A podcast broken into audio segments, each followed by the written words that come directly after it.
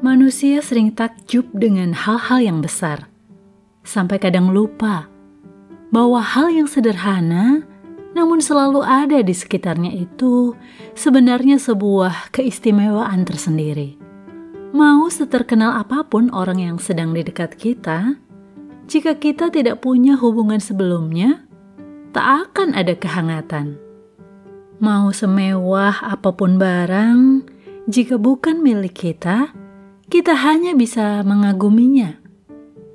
Mau seganteng atau secantik apa pun seseorang, tapi jika tidak nyambung ngobrolnya, nggak ada chemistry, hanya indah dipandang, tapi nggak nyaman. Nggak semata-mata yang berkilau itu selalu wow. Namun yang dekat dengan hati dan hidup kita, itulah yang berarti.